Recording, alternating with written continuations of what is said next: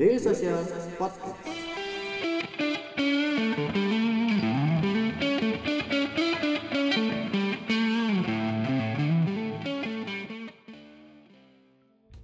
Halo teman-teman DS Podcast, Eh, balik lagi di ngobrolin startup. Eh, biasanya kalau suara-suaranya mungkin pasti asing ya. Kalau suara gua biasanya suaranya suara Adoy, eh Adoy panggilannya siapa sih? lu? Egi, biasanya suaranya Egi. Nah sekarang eh, gua ngegantiin Egi sebentar untuk eh, DS Podcast kali ini. Eh, gua Ardan yang akan memandu eh, DS Podcast kali ini. Gua lagi sama eh, Mas Aryo Tamat. Halo selamat Mas. selamat sore, siang dan malam dan pagi. Dan pagi, kapan pun lu dengerin ini. Oke, eh, gua ken- kenapa gua sekarang lagi ngobrol sama Mas Aryo Tamat gitu. Kebetulan ini gua langsung aja ya. Ya, Gua langsung kasih tahu tujuannya aja nih biar langsung biar raw.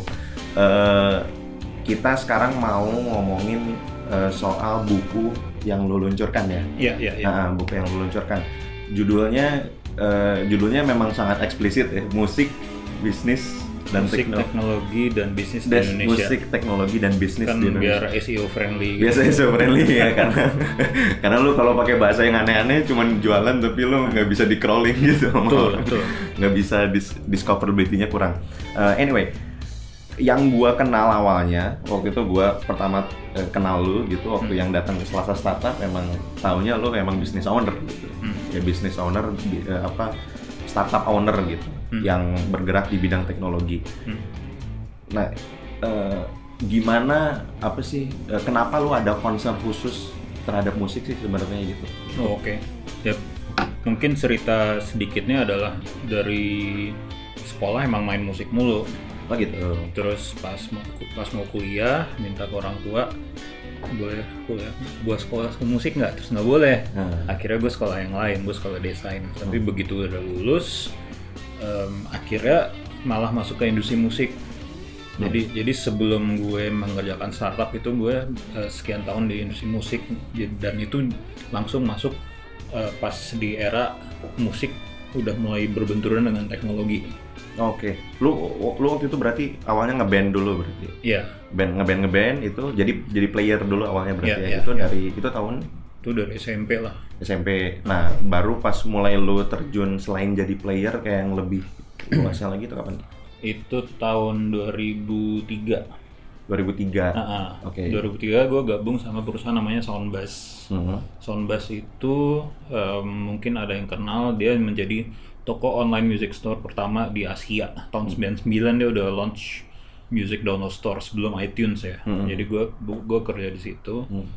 Tapi di kantor Indonesia mereka nggak ngerjain online download store karena ya tahun segitu internet juga butut banget lah di Indonesia nggak device-nya juga nggak ada untuk download segala macam Iya.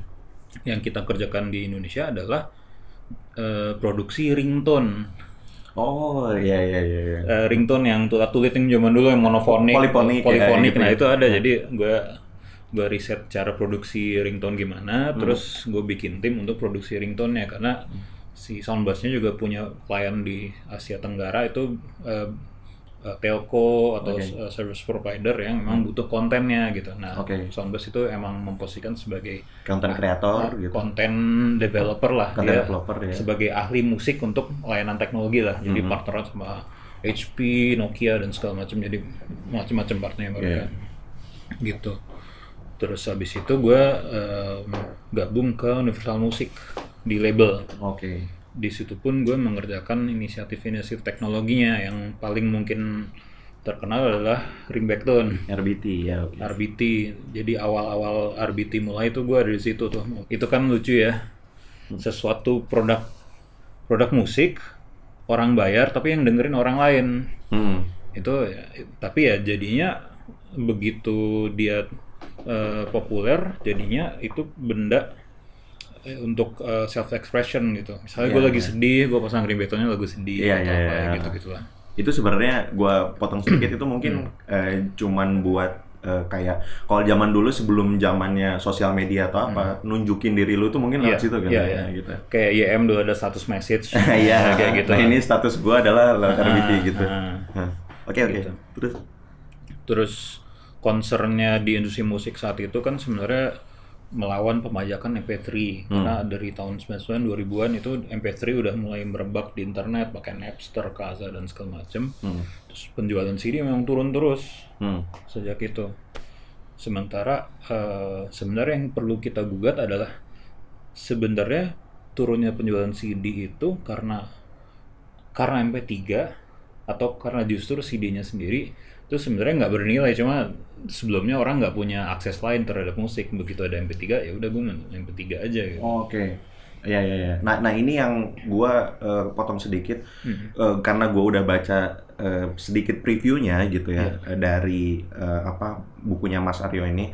Jadi di situ ada salah satu pembahasan tentang eh, konten dan akses gitu, di Mhm. mana orang ternyata lebih mau spendnya ke akses Iya. daripada ke konten gitu. Maksudnya eh, kita ngelihat orang tuh kalau misalnya ya tadi contohnya MP3 dan CD gitu Hmm. orang lebih ngasih ngasih value lebih eh, untuk MP3 gitu untuk Hmm. kar- karena dia mendapatkan akses itu gitu. Hmm. nah maksud gua eh, gimana cara apakah nanti eh, gambaran ke depannya bakal ke sana terus gitu Eh, bakal maksudnya orang lebih menghargai itu akses gitu akses yang lebih mudah daripada value kontennya gitu. Kalau gua ngomonginnya mungkin nggak digital ya. Hmm. kayak CD orang sekarang eh, jarang yang ngasih value lebih ke CD gitu. Padahal Hmm. mungkin secara fisik eh, bagus gitu kan orang tuh collectible juga Hmm. gitu.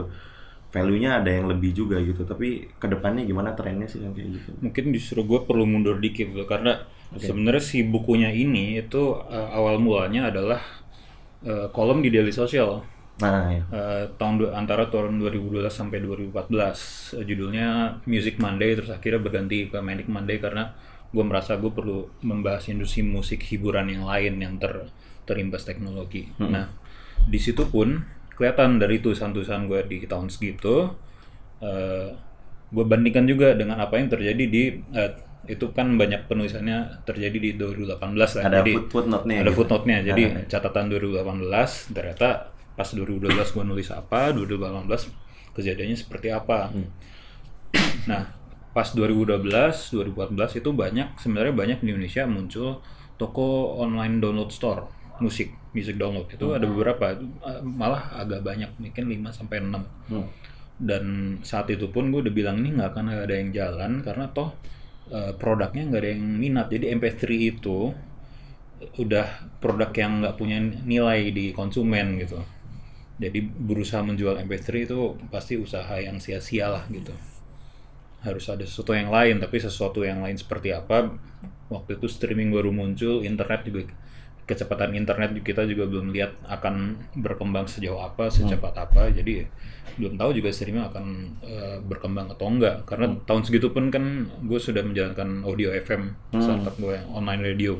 Iya. itu ya pertumbuhannya gitu-gitu aja juga gitu. Oh iya itu gue nyambung sedikit kayak gitu. Iya. lu, lu bikin namanya audio. Audio FM audio FM Ah. gitu. Itu spiritnya apa tuh? Bikin itu? Eh, spiritnya waktu itu kita em, pengen bikin representasi terbaik musik Indonesia di internet Oke. karena di saat itu belum ada layanan eh, internet yang memadai lah untuk musik Indonesia Hmm. layanan luar negeri pun dia nggak punya eh, kalaupun ada konten lagu Indonesia itu nggak lengkap Hmm. atau tidak terrepresentasi dengan baik playlistnya jelek atau ya cuma ketemu lewat search segala macamnya kita maunya ke situ jadi em, yang pengennya mengedepankan musik Indonesia dan yang satu lagi yang kita lihat bahwa dari awal kita udah lihat bahwa orang nggak akan bayar si layanan audio ini dan konsumen Indonesia nggak seperti itu gitu jadi eh, model bisnis kita waktu itu sebenarnya untuk berusaha mencari eh, uang dari sponsor atau dari brand Oke, Dari jadi, situ. jadi lu monetize-nya lewat ya eh, sponsor, ya sponsor dan brand gitu. Ferguson. Ada apa? Startup selesai. Dan itu eh, berarti basisnya kan kurasi gitu ya. Yang Mm-mm, yang lu jual betul. kurasinya kan Betul, kayak gua eh, kita nih satu tim gitu. Kita kita rasa kita capable untuk Hmm. mengkurasi ini lu lu bakal dapat musik-musik yang asik menurut kita ya gitu. ya Nah, ya Dan itu dari sisi kan sampai sekarang masih ada nih kan. Mm-mm. Gue juga kalau eh, ini suka masih ada dengerin gitu Mm. audio.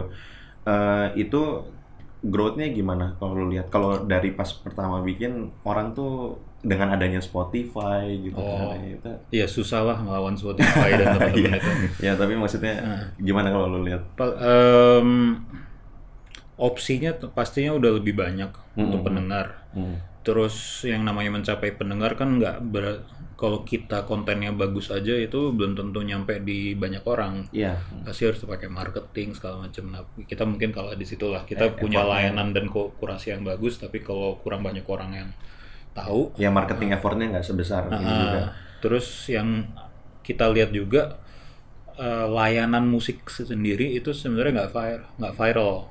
Yang, Oke. yang viral itu adalah kontennya. Jadi tinggal siapa yang gede-gedean ngingetin, nge- gede-gedean spend uang untuk ngingetin, eh lu dengerin lagu artis favorit lu di layanan gua aja. layanan- Iya gitu. iya iya. Ah, Seperti layaknya sekarang Spotify juga suka kayak gitu kan. Iya, iya. Kayak misalnya ada lagu apa misalnya Taylor Swift atau apa dia pajang Taylor Swift gitu, Mhm. dia jual wajahnya dia gitu Mhm. untuk ini gitu ya. Mhm. Oke, eh, nah berarti tapi gue lihat keduanya punya ya baik Spotify audio gitu dan sejenisnya gitu ya eh, layanan streaming kayak gitu kan spiritnya untuk quote unquote melawan pembajakan gitu. Mhm.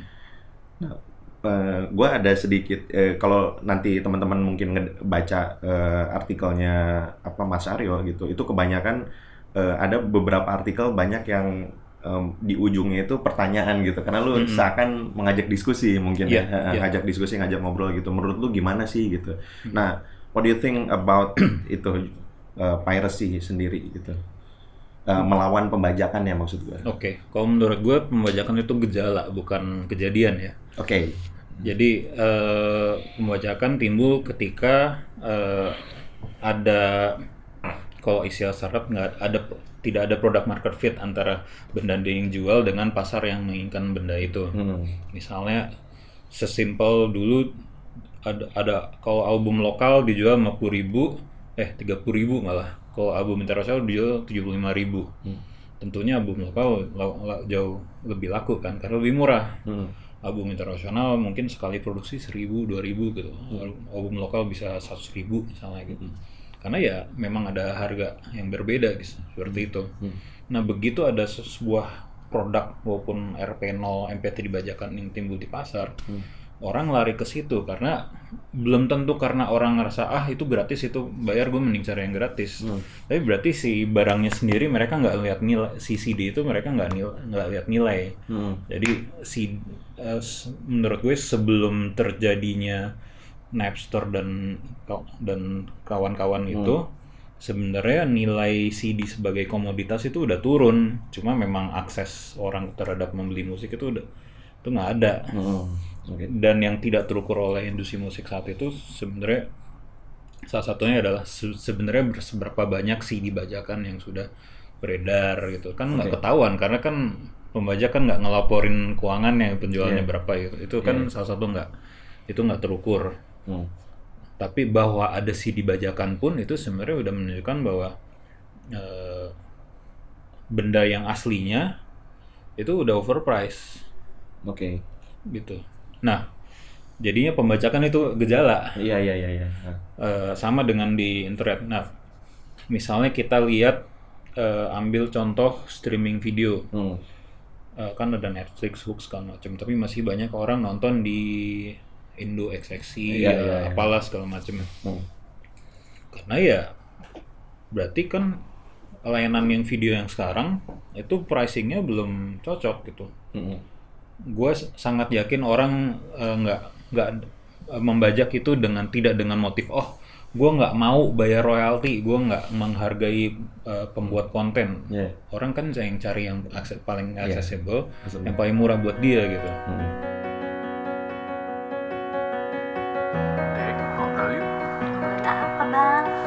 Apa bang?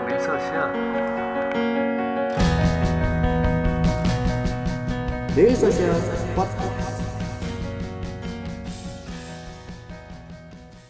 Ya balik lagi ngobrol-ngobrol sama Mas Aryo terkait Hai. musik, bisnis dan teknologi. Nah, tadi kita ngobrolin sampai eh, lu bilang kalau eh, apa eh, permasalahan dari konten platform ini kayak eh, Netflix, Spotify gitu. Kalau di musik Spotify, Joox itu adalah kadang mereka ketika eh, ber- melawan langsung eh, berhadapan langsung dengan pembajakan itu karena eh, overprice gitu mereka itu. Nah, gimana terus caranya dari konten-konten platform ini untuk punya value yang cocok gitu dengan price-nya itu sendiri biar nanti mereka mau larinya ke sana gitu. sebenarnya nggak bisa one size fits all juga sih. Jadi misalnya kalau gue lihat kayak Netflix Netflix misalnya dia udah harganya cukup premium di antara semua uh, video on demand ya. Ya udah dia tahu gue gue punya konten yang sangat bagus memang harus dihargain premium nggak ada lah free freean gitu misalnya dibandingkan misalnya kayak iFlix so gue dia ada yang free-nya tapi kalau Oke. nonton itu nanti ada seling iklan selingan iklannya Oke, kayak ya. gitu Ada Oh. trial juga gitu Heeh. kan. Nah, Spotify pun dia ada Spotify free, ada Spotify premium dengan Hmm. perbedaan di fitur lah. Tuh, Paling utama tuh Spotify premium tuh bisa save offline lah. Ya, dan nggak bisa nggak di shuffle sih lagunya gitu Ya. gitu kan. Heeh. Eh, tapi ada Spotify free yang ada iklannya dan segala macam. Nah, Hmm. eh, jadi itu menjadi sebuah onboarding. Jux juga dia menggunakan cara seperti itu untuk eh, saat ini kan kalau khusus music streaming yang user paling banyak masih Jux ya. Hmm. Nah caranya memang dengan dia ya udah eh, free aja dulu gitu. Yang penting usernya banyak dulu. Hmm. Nanti kalau user udah banyak bisa pelan-pelan bisa di-convert jadi eh, paid user, premium user gitu. Karena it- cara ini yang juga dilakukan Spotify di negara-negara lain. Oke. Dan mereka cukup berhasil kalau nggak salah mereka eh, premium user itu 40% dari total user. Jadi cukup tinggi sih. Oke. Kalau Jux gua nggak tahu. Nggak, mereka tidak mempublikasikan angka itu Oke.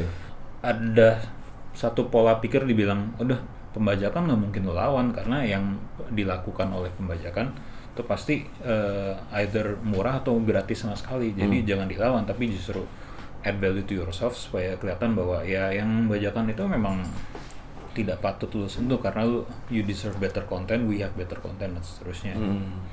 pas dulu kita bikin audio pun kita ngelihat bahwa tahun 2012 2013 kalau mau nyari lagu bajakan tuh for share segala macam caranya itu nggak mudah juga sebenarnya Iya, gitu. iya.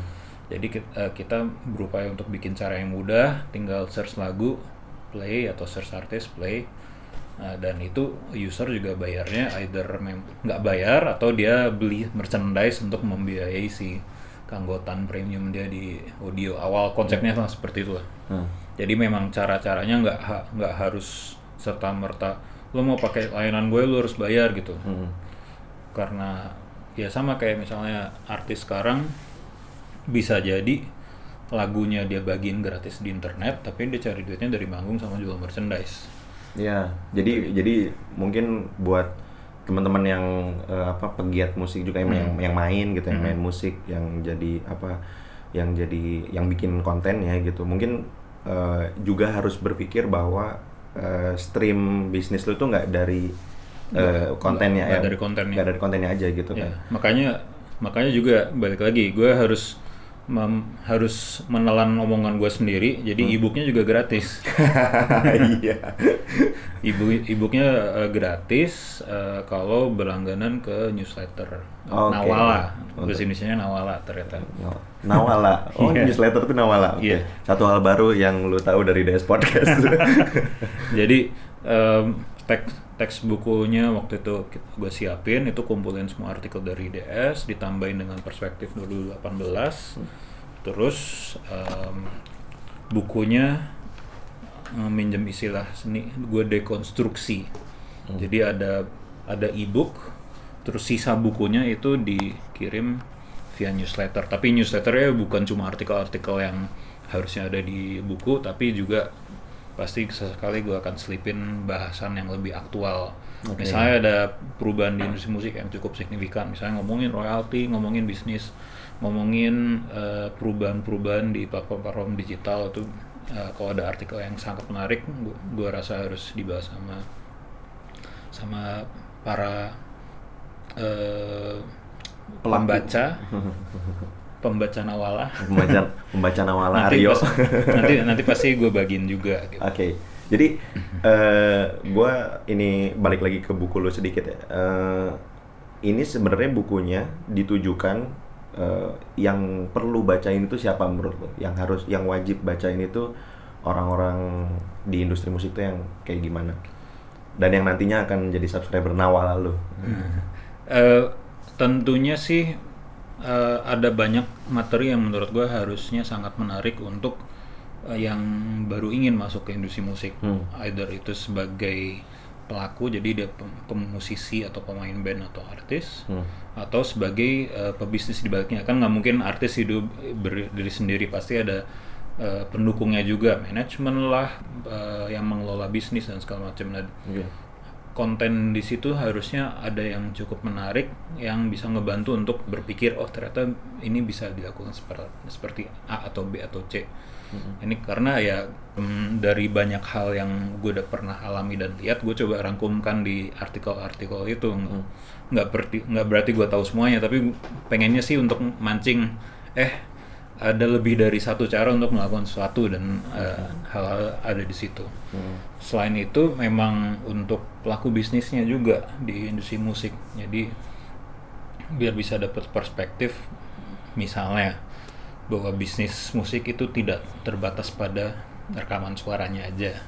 Tapi banyak komponen lain yang harus dipikirkan sebagai eh, satu kesatuan, satu experience karena toh misalnya gue sebagai pendengar eh, penggemar siapa? Red Hot Chili Peppers misalnya.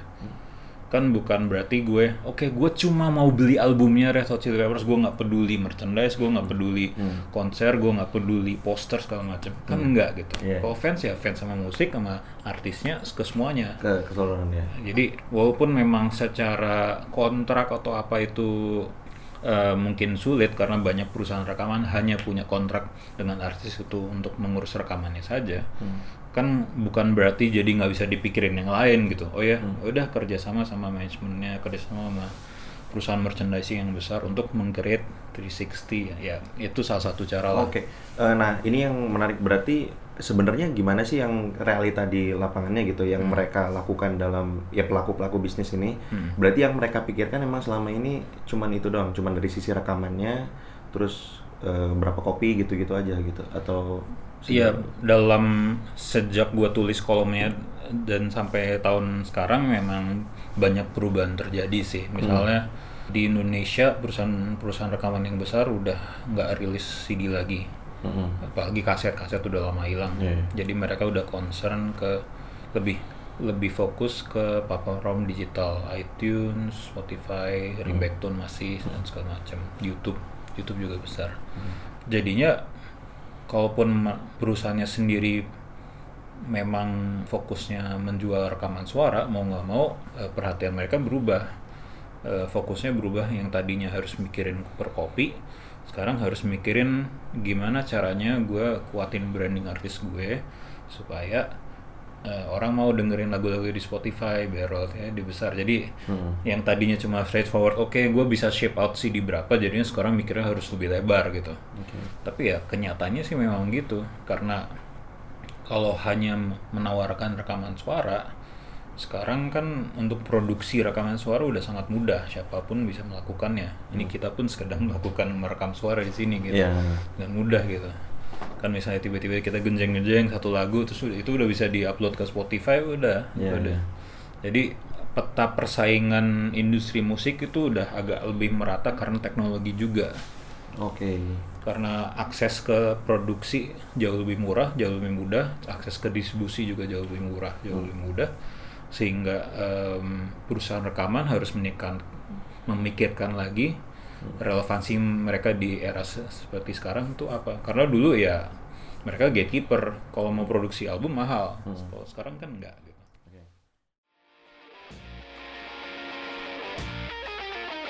Jangan lupa subscribe Ngobrolin Startup Daily Social Podcast di SoundCloud, Spotify, atau aplikasi podcast favorit kamu. Tadi lu bilang sasaran lu kelihatannya cukup luas juga ya dari mulai musisi sampai yang pelaku bisnis itu Iya. kan range-nya cukup luas Iya. gitu. Eh, emang apa aja sih gitu yang dibahas di buku lu tuh? Kalau di breakdown. Kalau di breakdown, jadi gue bagi atas empat bagian. Yang pasti gue membahas antara musik dan bandnya sendiri. Jadi band dan pencipta lagu di era digital tuh ngapain? Hmm. Karena ini masih tahun lalu masih ada persoalan hak cipta waktu itu ada lagunya Payung Teduh Hmm. terus dinyanyiin sama artis lain Iya, dia iya, iya. dia upload ke Spotify ternyata, dapat royalti Nah. terus jadi kasus eh, cukup heboh di Iya, industri betul. musik Nah. padahal kalau semuanya udah sadar hak cipta tuh cara bekerja seperti apa itu nggak harus jadi gitu Iya, iya, iya. ya itu itu sa- itu salah satunya Salah satunya. Terus bagian dua itu membahas bisnis dan konsumen hiburan digital. Jadi ini lebih membahas layanan-layanan, misalnya layanan dari operator atau layanan dari OTT seperti Spotify, O- OTT over the top ya. Eh, bagian tiga itu membahas transformasi industrinya. Jadi transformasi industri musik dan hiburan secara umum itu misalnya gimana industrinya menyikapi perubahan teknologi yang salah satu gejalanya adalah pembajakan. Dan gimana mereka melampaui itu menyikapi dan melampaui dan berusaha menjadi bisnis lagi dan seperti itu. Apalagi kalau ada satu artikel yang paling menarik judulnya perlukah industri musik diselamatkan? Oke, Karena waktu ya. itu sempat bergaung uh, heal our music atau Itu tahun berapa tuh? itu tahun 2013 lah gitu. Ada ada kampanye heal our music. Kesannya industri musiknya sakit gitu. Ah. kayak, kayak kasihan Iya, gitu iya, kan. iya. Padahal ya enggak gitu Ya itu yang it- itu yang kadang-kadang eh, gua Hmm. kalau misalnya ngeliat kan ada ada musisi-musisi kalau diwawancara gitu ya. Hmm. Ada dua kubu yang gue lihat ada yang pas Hmm. kalau ditanya tuh ya kita lihat musik sekarang lagi parah banget nih gini-gini. Padahal di sisi lain ada yang gue ngerasa musik baik-baik aja gitu, industri Hmm. musik Indonesia baik-baik aja gitu. Eh, mungkin lu yang salah dengerin kali gitu atau Hmm. gimana gitu. Gua nggak tahu gitu. Itu itu yang lu lihat sebenarnya yang lu bahas apa di situ? Ya karena banyak orang termasuk di dalam industri yang melihat bahwa industri musik itu sama dengan industri musik rekaman. Pas penjualan CD turun terus dari digital kelihatannya nggak akan bisa menuin penjualan eh, kehilangan penjualan dari eh, penjualan CD turun itu. Terus wah industrinya turun nih gitu. Padahal ya pemasukan perusahaan rekaman yang turun gitu. Oke. industrinya sendiri, sendiri as a whole nggak ada yang tahu loh. Karena misalnya band-band indie. Misalnya ada band indie yang cukup besar di Malang dia udah bisa manggung sekian kali segala macem. Eh, apakah akap- eh, apakah kita tahu mereka penghasilannya seperti apa? Hmm. kecuali ada yang bisa eh, bisa nyatet oh masukan band sekian gitu. Kan sebenarnya nggak ada. Mungkin di pencatatan pajak pun nggak ada iya, itu iya. gitu.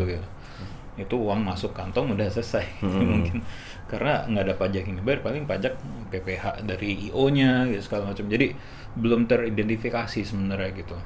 Eh, gue sepengertian gue di backcraft pun mereka juga sulit mengukur industri musik itu ukuran eh, di- terhadap GDP-nya seperti apa.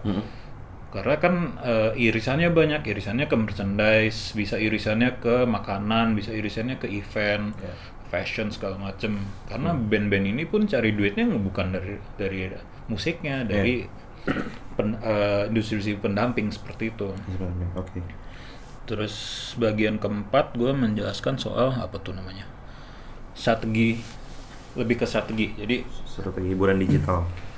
Uh, jadi lebih ke mm, ide-ide atau diskusi-diskusi uh, dari apa yang bisa dilakukan ke depan atau apa yang mungkin kita perlu eksperimen di sini? Apa ada sesuatu yang udah pernah dilakukan di luar negeri? Mungkin bisa kita coba aplikasikan di sini kita modifikasi sedikit. Nah itu lebih ke sana lah gitu. Dan itu nggak cuma musik tapi lebih ke industri hiburan secara umum. Karena industri hiburan kan sebenarnya bisa dibilang kebutuhan tersier ya. Orang pasti butuh makan dulu baru mikirin Iya. hiburan. Cuma kalau dibilang nggak ada nilainya juga enggak gitu. Iya, iya. Sesimpel orang ya orang dari kalangan ekonomi mana aja itu pasti ada kebutuhan dengar musik misalnya Iya, iya. Eh, musik jenis apa, caranya seperti apa ya mungkin beda-beda. Ada yang eh, om-om nongkrong di di pos gitar gitaran itu juga konsumsi musik kan sebenarnya. Iya. Sampai ada yang harus nonton konser artis harus keluar negeri nggak mau yang dalam negeri ada juga gitu. Itu konsumsi musik juga. Value-nya ada tapi prioritasnya beda-beda gitu setiap ini. Ca- dan caranya juga beda Caranya gitu. beda. Tapi semuanya konsumsi musik gitu. Jadi nggak bisa di, apalagi Indonesia orang Indonesia kan rata-rata senang musik ya. Hmm. Malah malah aneh kalau ada yang nggak senang musik sama sekali itu agak aneh gitu. Iya, Kalau di negara lain gue lihat ada itu mas ter- ternyata masih umum kalau Indonesia tuh rata-rata Oh orang gitu. senang musik ya Ya, gua penasaran juga ada orang yang tidak sa- sama sekali tidak ini. Ah. Oh. Nah, kelihatan sih misalnya di mahasiswa gue dia bikin riset untuk uh, project ke kelasnya Hah? itu dia cuma ngambil sampling 10 orang ada satu yang memang nggak terlalu senang musik gitu jadi musik ya cuma lewatin aja.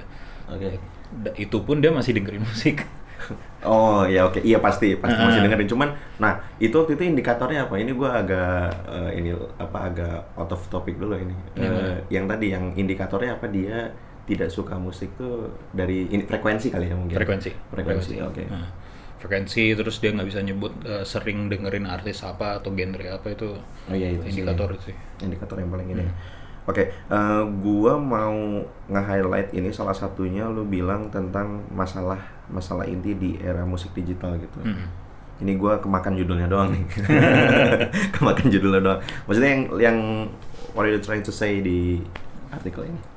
Mungkin intinya adalah kalau sebelum adanya internet dan teknologi-teknologi lain yang akhirnya terbangun karena industri software dan internet ini, Hmm. industri musik itu label centric. Pusatnya di perusahaan rekaman.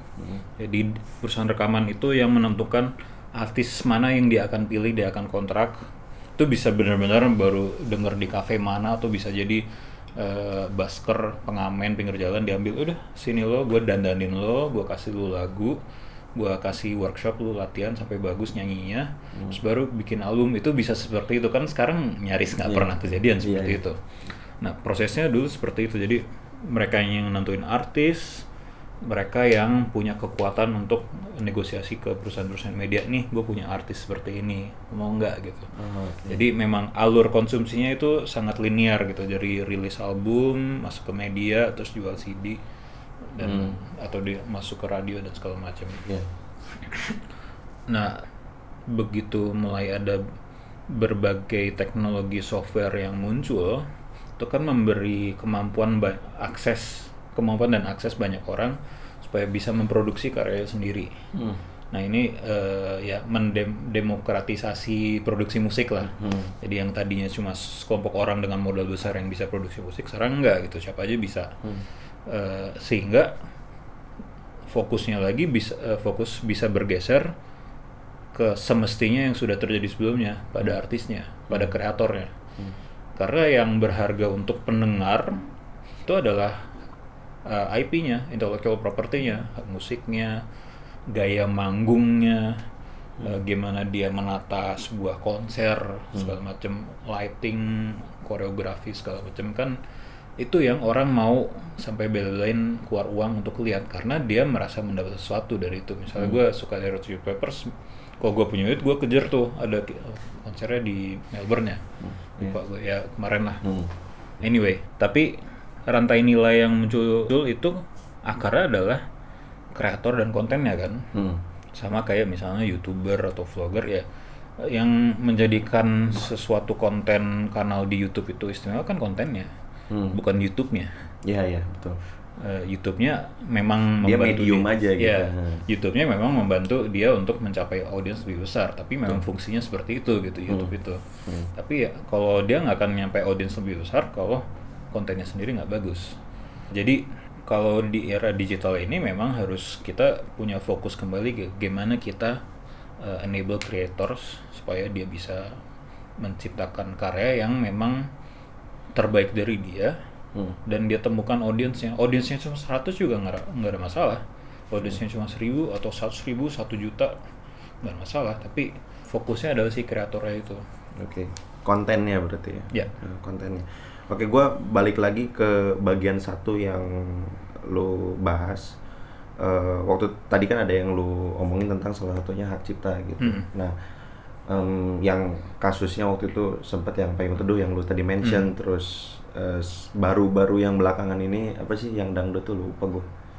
via Valen Via Valen, ya itu. Via Valen sama SID gitu. Itu juga ada kasusnya walaupun akhirnya agak melebar itu Hmm. bahasannya udah ke masalah etika gitu segala Hmm. macam. Tapi kalau kita eh, apa take a look dari sisi musik hak ciptanya gitu. Hmm. sebenarnya apa yang bisa dilakukan sama eh, apa digital gitu digital teknologi ya buzzword buzzword itulah gitu yang bisa dilakukan oleh mereka mereka ini gitu teknologi terhadap eh, buat membantu proses ini gitu biar eh, apa ya biar ya be- apa kasih barriernya tuh di mana gitu Oke, mungkin salah satu masalah yang gue lihat terbesar adalah masalah ketimpangan pengetahuan dulu sih.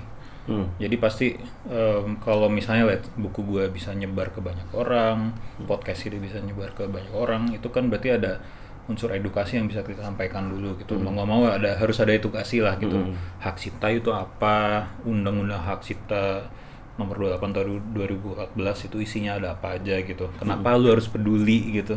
Itu kan penting gitu. Kadang-kadang uh, musisi juga nggak peduli. Ah, udahlah itu gampang ribet-ribet gitu. Padahal harus tahu gitu. Karena em, mereka bergerak di usaha seperti itu gitu.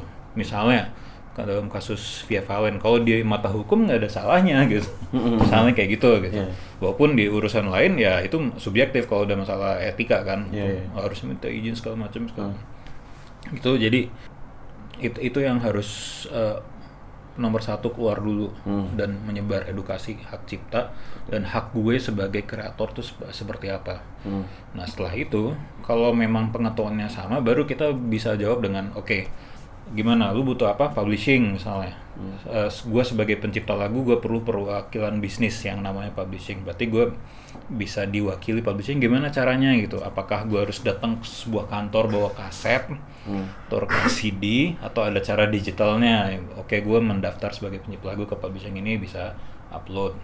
Dan si publishing ini juga bisa menawarkan lagu ke soundtrack film lah atau artis yang butuh lagu segala macem itu bisa lewat digital juga caranya ketimbang eh, cara tradisional kirim-kirim CD atau Iya. apa.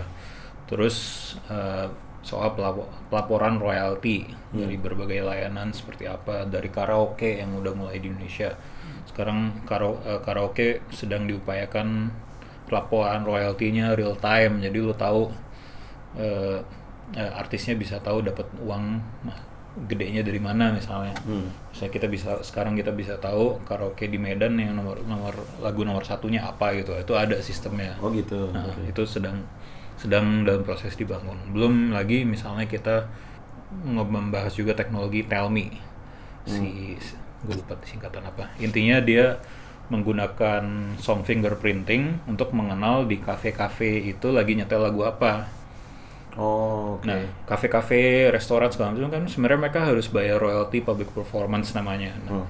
Tapi mereka pasti kesulitan dengan melaporkan gue nyetel lagu apa kan. Karena ya mereka bisnisnya bukan di situ. Kalau ada alat digital yang bisa membantu mereka kan tinggal ya udah.